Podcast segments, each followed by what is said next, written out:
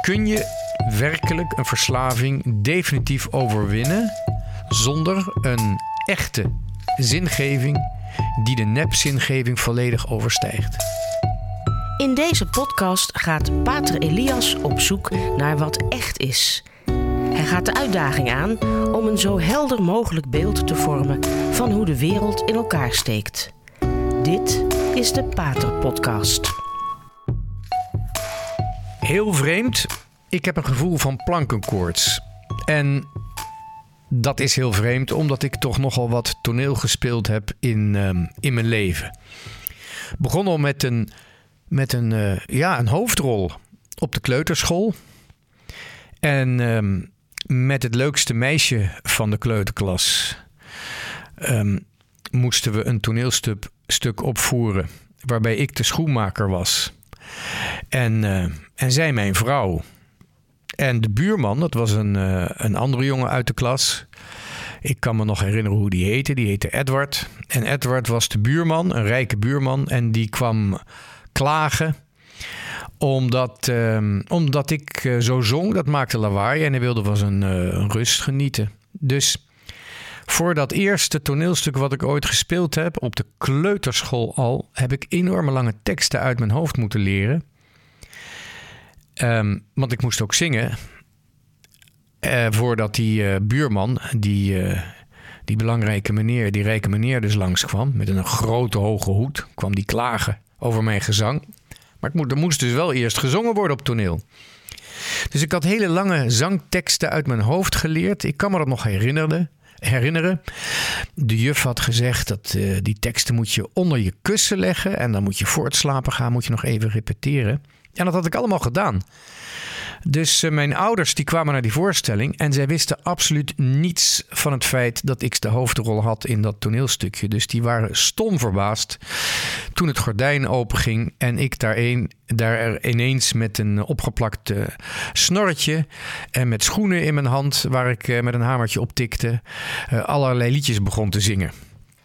En natuurlijk ook teksten begon uit te spreken. Dat was het eerste toneelstuk.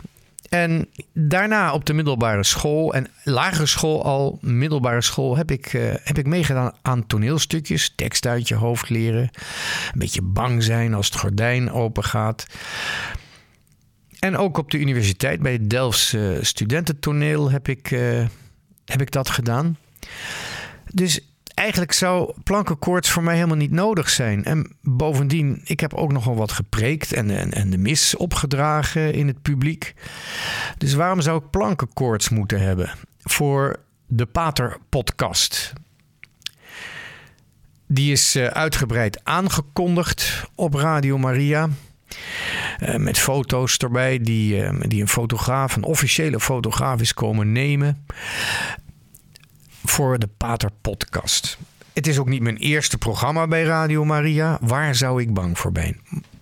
Waar zou ik bang voor zijn? Nou, ik ben toch een beetje, ik zeg niet bang, maar ik heb wel last van die, van die plankenkoorts. Waarom? Omdat het is wel een heel nieuw soort um, ja, podcast onderwerp dat ik wil aansnijden.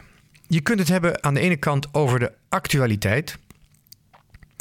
En dan kun je al vrij snel uh, ja, actualiteiten naar boven halen.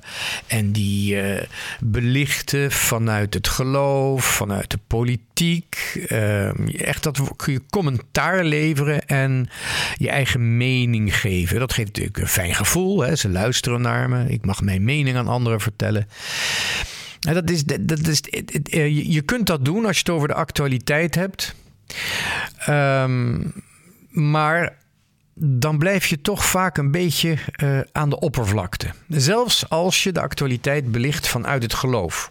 Zo van, uh, er wordt een wet aangenomen uh, voor abortus in het parlement. Nou, daar zijn wij als katholieken dus tegen. Punt. Um, ja, echtscheiding mag wel volgens de wet. Ja, volgens onze kerk bestaat er geen echtscheiding. Punt.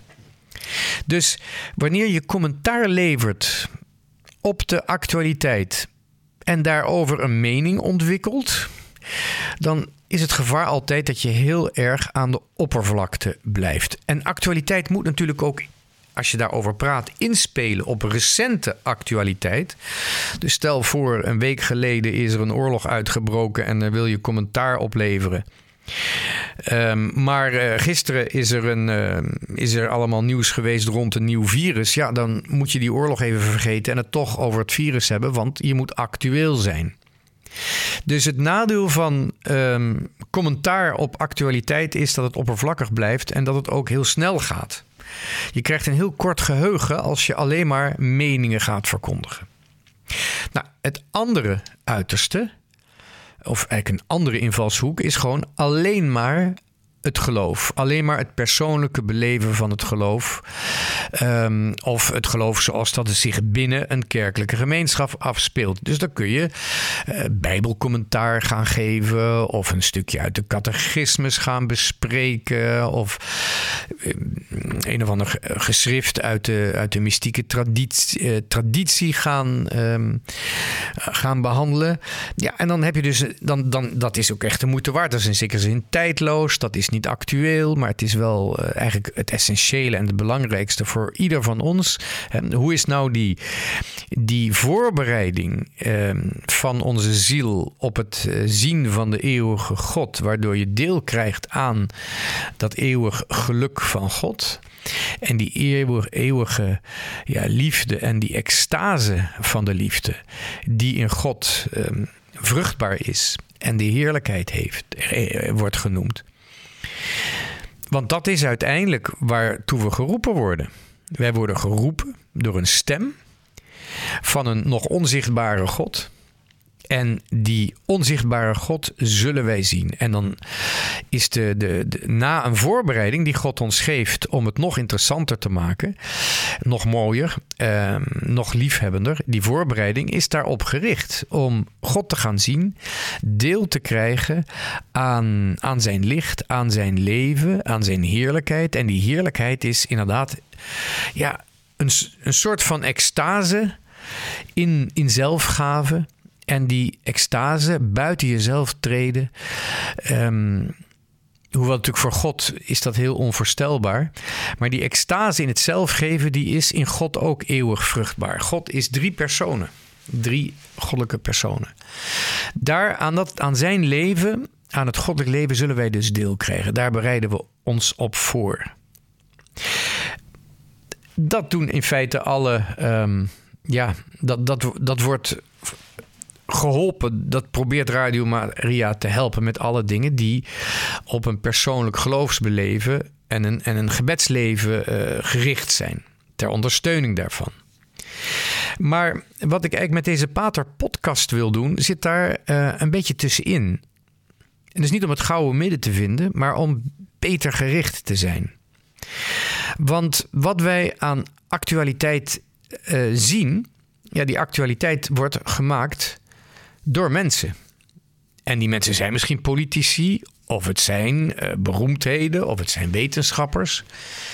Maar wetenschappers um, en, en deskundigen um, en zelfs politici, we hebben allemaal een ziel. We hebben allemaal een, een, een, uh, een innerlijk leven. We hebben een persoonlijkheid. We hebben een, een, een ziel die, die geroepen wordt door God op de een of andere manier. Of je nou luistert of niet, maar die roepstem van God is er. En wat we zien in de actualiteit is ook, in zekere zin, niet direct, maar indirect, een, uh, een verwijzing naar de menselijke natuur, naar de menselijke schepping, die antwoord formuleert op God, op Gods woord, op Gods logos, op de waarheden die God in de schepping aanbiedt. Als je niet te veel in de oppervlakkigheden en de oppervlakkigheden in, in, in de wereld wil uh, richten. En als je ook niet te veel onder de indruk wil zijn van kortstondige evenementen en ontwikkelingen, dan moet je verder kijken. Dan mag je ook verder kijken. Van wat zit er nu werkelijk in de mens? En als er iets erg indruk op ons maakt, bijvoorbeeld de coronacrisis. Je kunt wel zeggen dat dat indruk op de mensen maakt. Ik zie dat er maatregelen worden genomen. Ik zie daar redelijke tussen. Daar zitten ook onredelijke tussen. Er zijn mensen die op een redelijke manier heel voorzichtig zijn, maar er zijn ook mensen die op een hele onredelijke manier uh, bang zijn en bang gemaakt zijn. Ja, als er zo'n crisis is die zo ingrijpt in de samenleving, waar getuigt dat van? Waarom kan zo'n crisis um, zo'n invloed hebben op onze samenleving? Dat heeft allemaal te maken met de manier waarop wij uh, mensen reageren op onze omgeving. En die reactie wordt voor een groot deel bepaald door um, wat we in het verleden hebben meegemaakt. Door wat, wat we in het heden zien als de werkelijkheid, maar ook zien als zingevende werkelijkheid.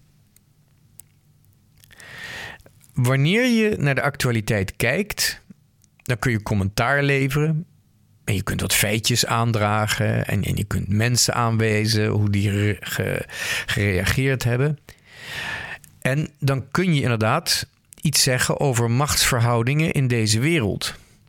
Mens, de mens wil macht, de mens streeft naar macht.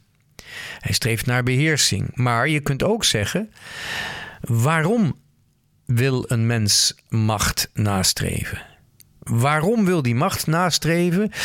En ja, waar compenseert hij voor? Wat mist hij werkelijk zonder het te weten? En waarom wil hij wat hij mist niet weten, maar compenseren? Er is iets onvervuld in de mens. Waarom wil hij dat vervullen? In feite door macht te gebruiken. En ja, eigenlijk op hetzelfde vlak ligt het met verslavingen. Je kunt kijken naar een verslaving en hoe je eraf moet komen. Je kunt therapieën volgen. Je kunt uh, trainingen volgen om niet te drinken, niet te roken, God mag weten wat, wat voor verslaving. Maar uiteindelijk is een verslaving is een compensatie van iets. Het vervangt iets. Het is een soort van nep zingeving waarvan je zelf al lang weet dat het niet klopt, maar je gaat er toch mee door. Je kunt niet meer anders. Waarom zou je dat nog proberen tegen een verslaving in te gaan wanneer je de echte zingeving nog niet hebt gevonden? Je kunt met verslaving de ene nep zingeving vervangen door een andere nep zingeving. Een voormalige drugsverslaafde zei tegen mij dat veel van zijn oude vrienden nu gokverslaafd zijn. En ja, het is heel vervelend voor je lichaam, maar de meeste verslavingen, drugsverslavingen, daar gaat je lichaam uh, gaat eraan onderdoor. Dat leidt daar schade onder. Maar gokverslaving, dan zijn er weer andere dingen die daaronder moeten lijden. Bijvoorbeeld je portemonnee. Kun je werkelijk een verslaving definitief overwinnen zonder een echte zingeving die de nepzingeving volledig overstijgt?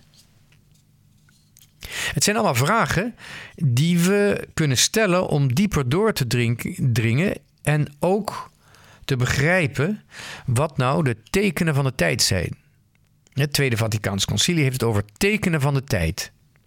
Het is heel jammer dat vaak die tekenen van de tijd um, de actualiteit worden, die worden genomen als tekenen van de tijd. De actualiteit, de Beatles bijvoorbeeld, de 60 jaar de Beatles. Nou, als nou de Beatles zo zingen en de jeugd vindt dat leuk, dan moeten wij ook als de Beatles gaan zingen. Hop, op de plaats van het orgel komt een drumstel.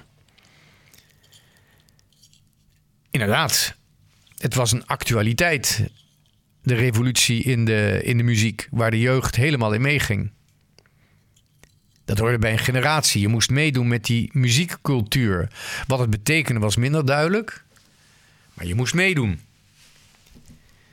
Maar dat is een actualiteit. Dat is geen teken van de tijd. Het is de tijd zelf, maar wat betekent het? Wat wilde dat zeggen? Er zijn een heleboel verschijnselen die je kunt zien, maar voordat je er een teken van de tijd in ziet, moet je er eerst goed over nadenken. Waar komen die verslavingen vandaan? Waar komt het vandaan dat, dat je vroeger, als je een kamp organiseerde, dan ging je ergens het, het bos in. En dan ging je lekker in de natuur zitten of ergens in de bergen. En dan ging er één vrijwilliger mee en die maakte iedere avond een grote pot. Met aardappelen, sla, een stuk vlees. En dat vrat je omdat je gewoon honger had, omdat het heel druk was in zo'n kamp. En als het slecht weer was, was je ook nog nat en koud. Dus ieder eten was welkom. En bovendien, laten we wel wezen, een halve eeuw geleden werd je opgevoed met een heel huiselijk dogma. Wat ma op tafel zet, zit, eh, wat ma op tafel zet, is lekker. Nou, er waren wel eens dingen waar je niet zo van hield, daar mocht je dan minder van eten. Maar je begon het meest fundamentele in de opvoeding was: je vreet wat er op tafel staat. Ten eerste heeft moeder het goed bedoeld, ook al is het een beetje mislukt.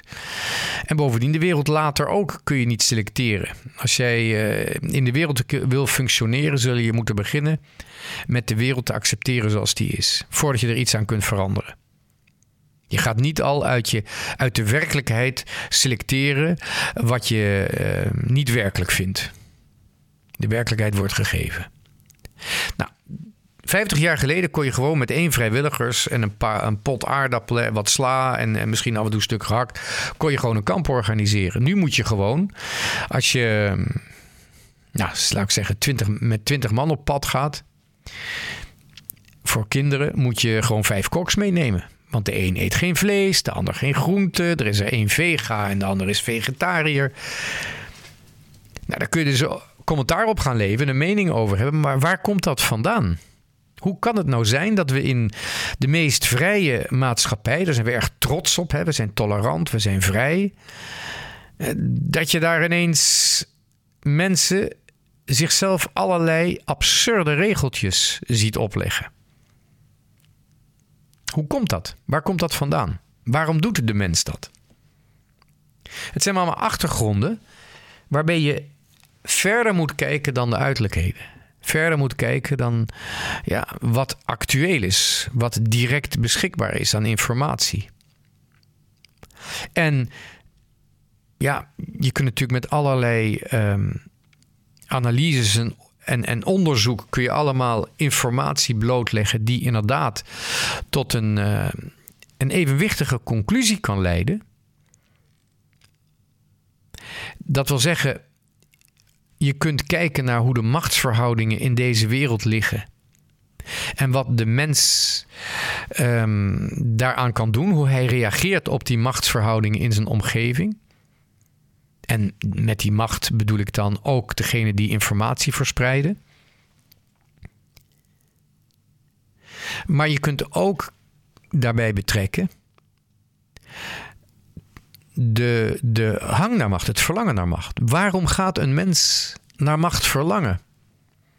Die wereld die aan elkaar hangt, bij elkaar hangt. De wereld waarin een actualiteit wordt bepaald door machtsverhoudingen. En dat is alleen niet legers of wetten en zo, dat zit er allemaal bij.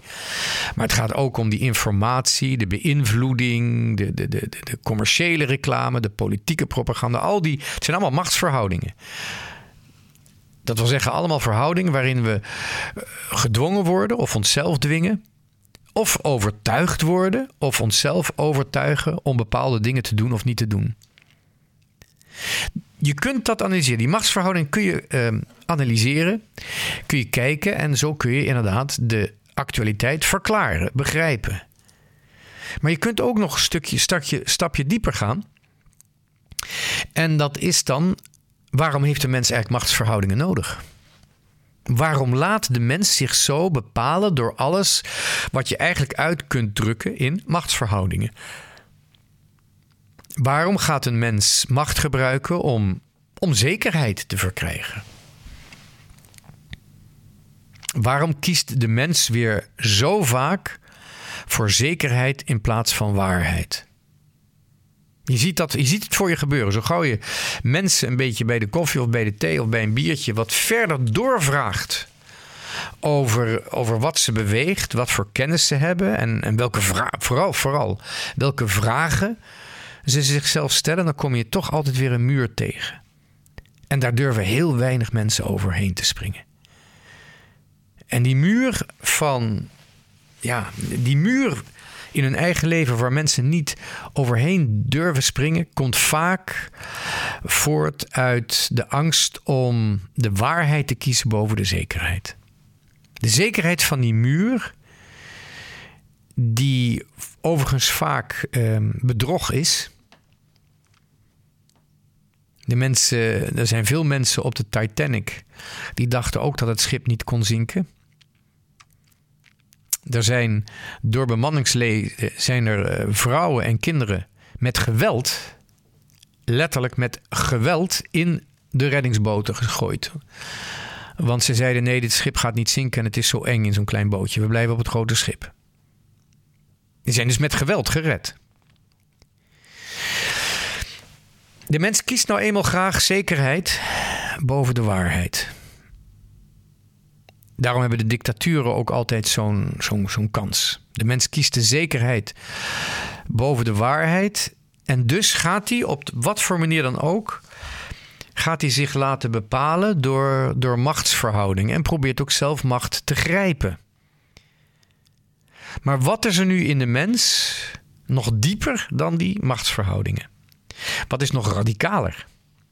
En wat kunnen we in de mens zien waardoor hij zich bevrijdt van al die machtsverhoudingen? Wanneer is een mens zo vrij dat hij de waarheid onder ogen durft te zien? Wanneer is een mens dat hij zo vrij is om naar die waarheid te leven? Als je daarnaar gaat zoeken, dan moet je verder kijken naar de actualiteit.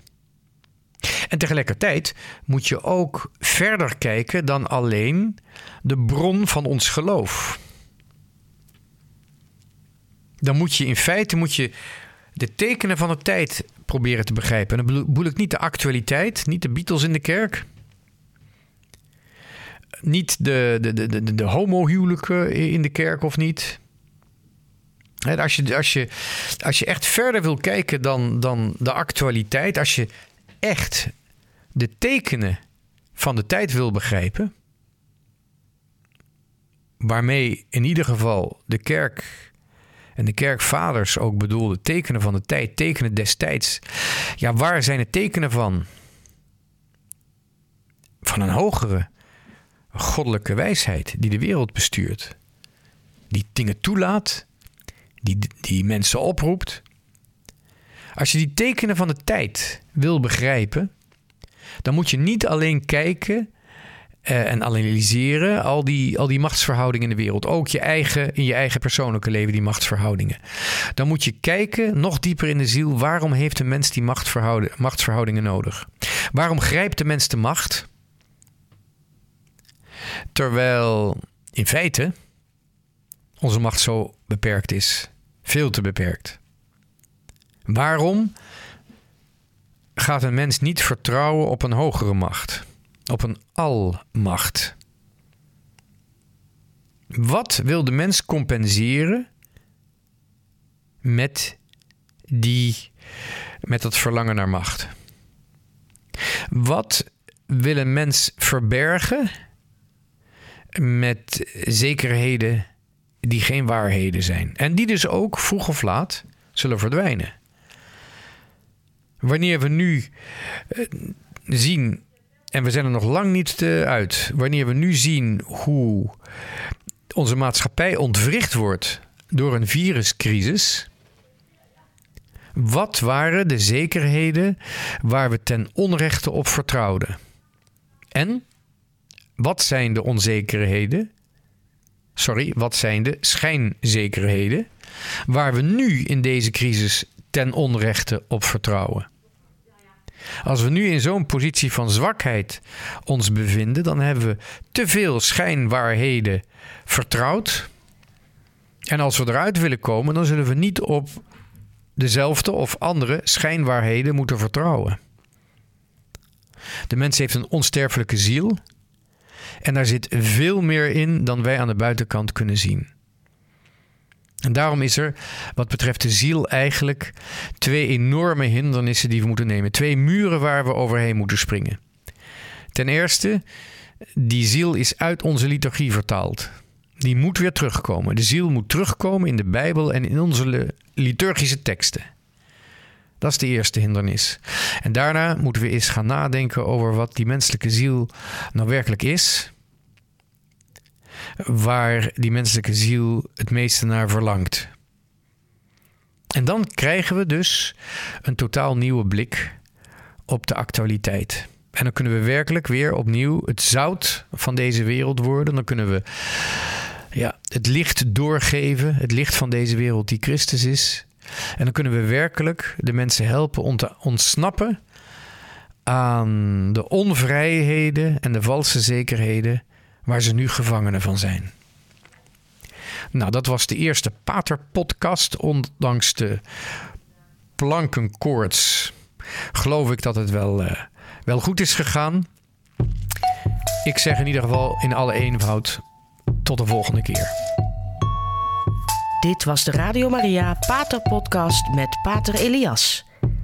Deze podcast is online terug te luisteren via de website van Radio Maria en andere podcastplatforms.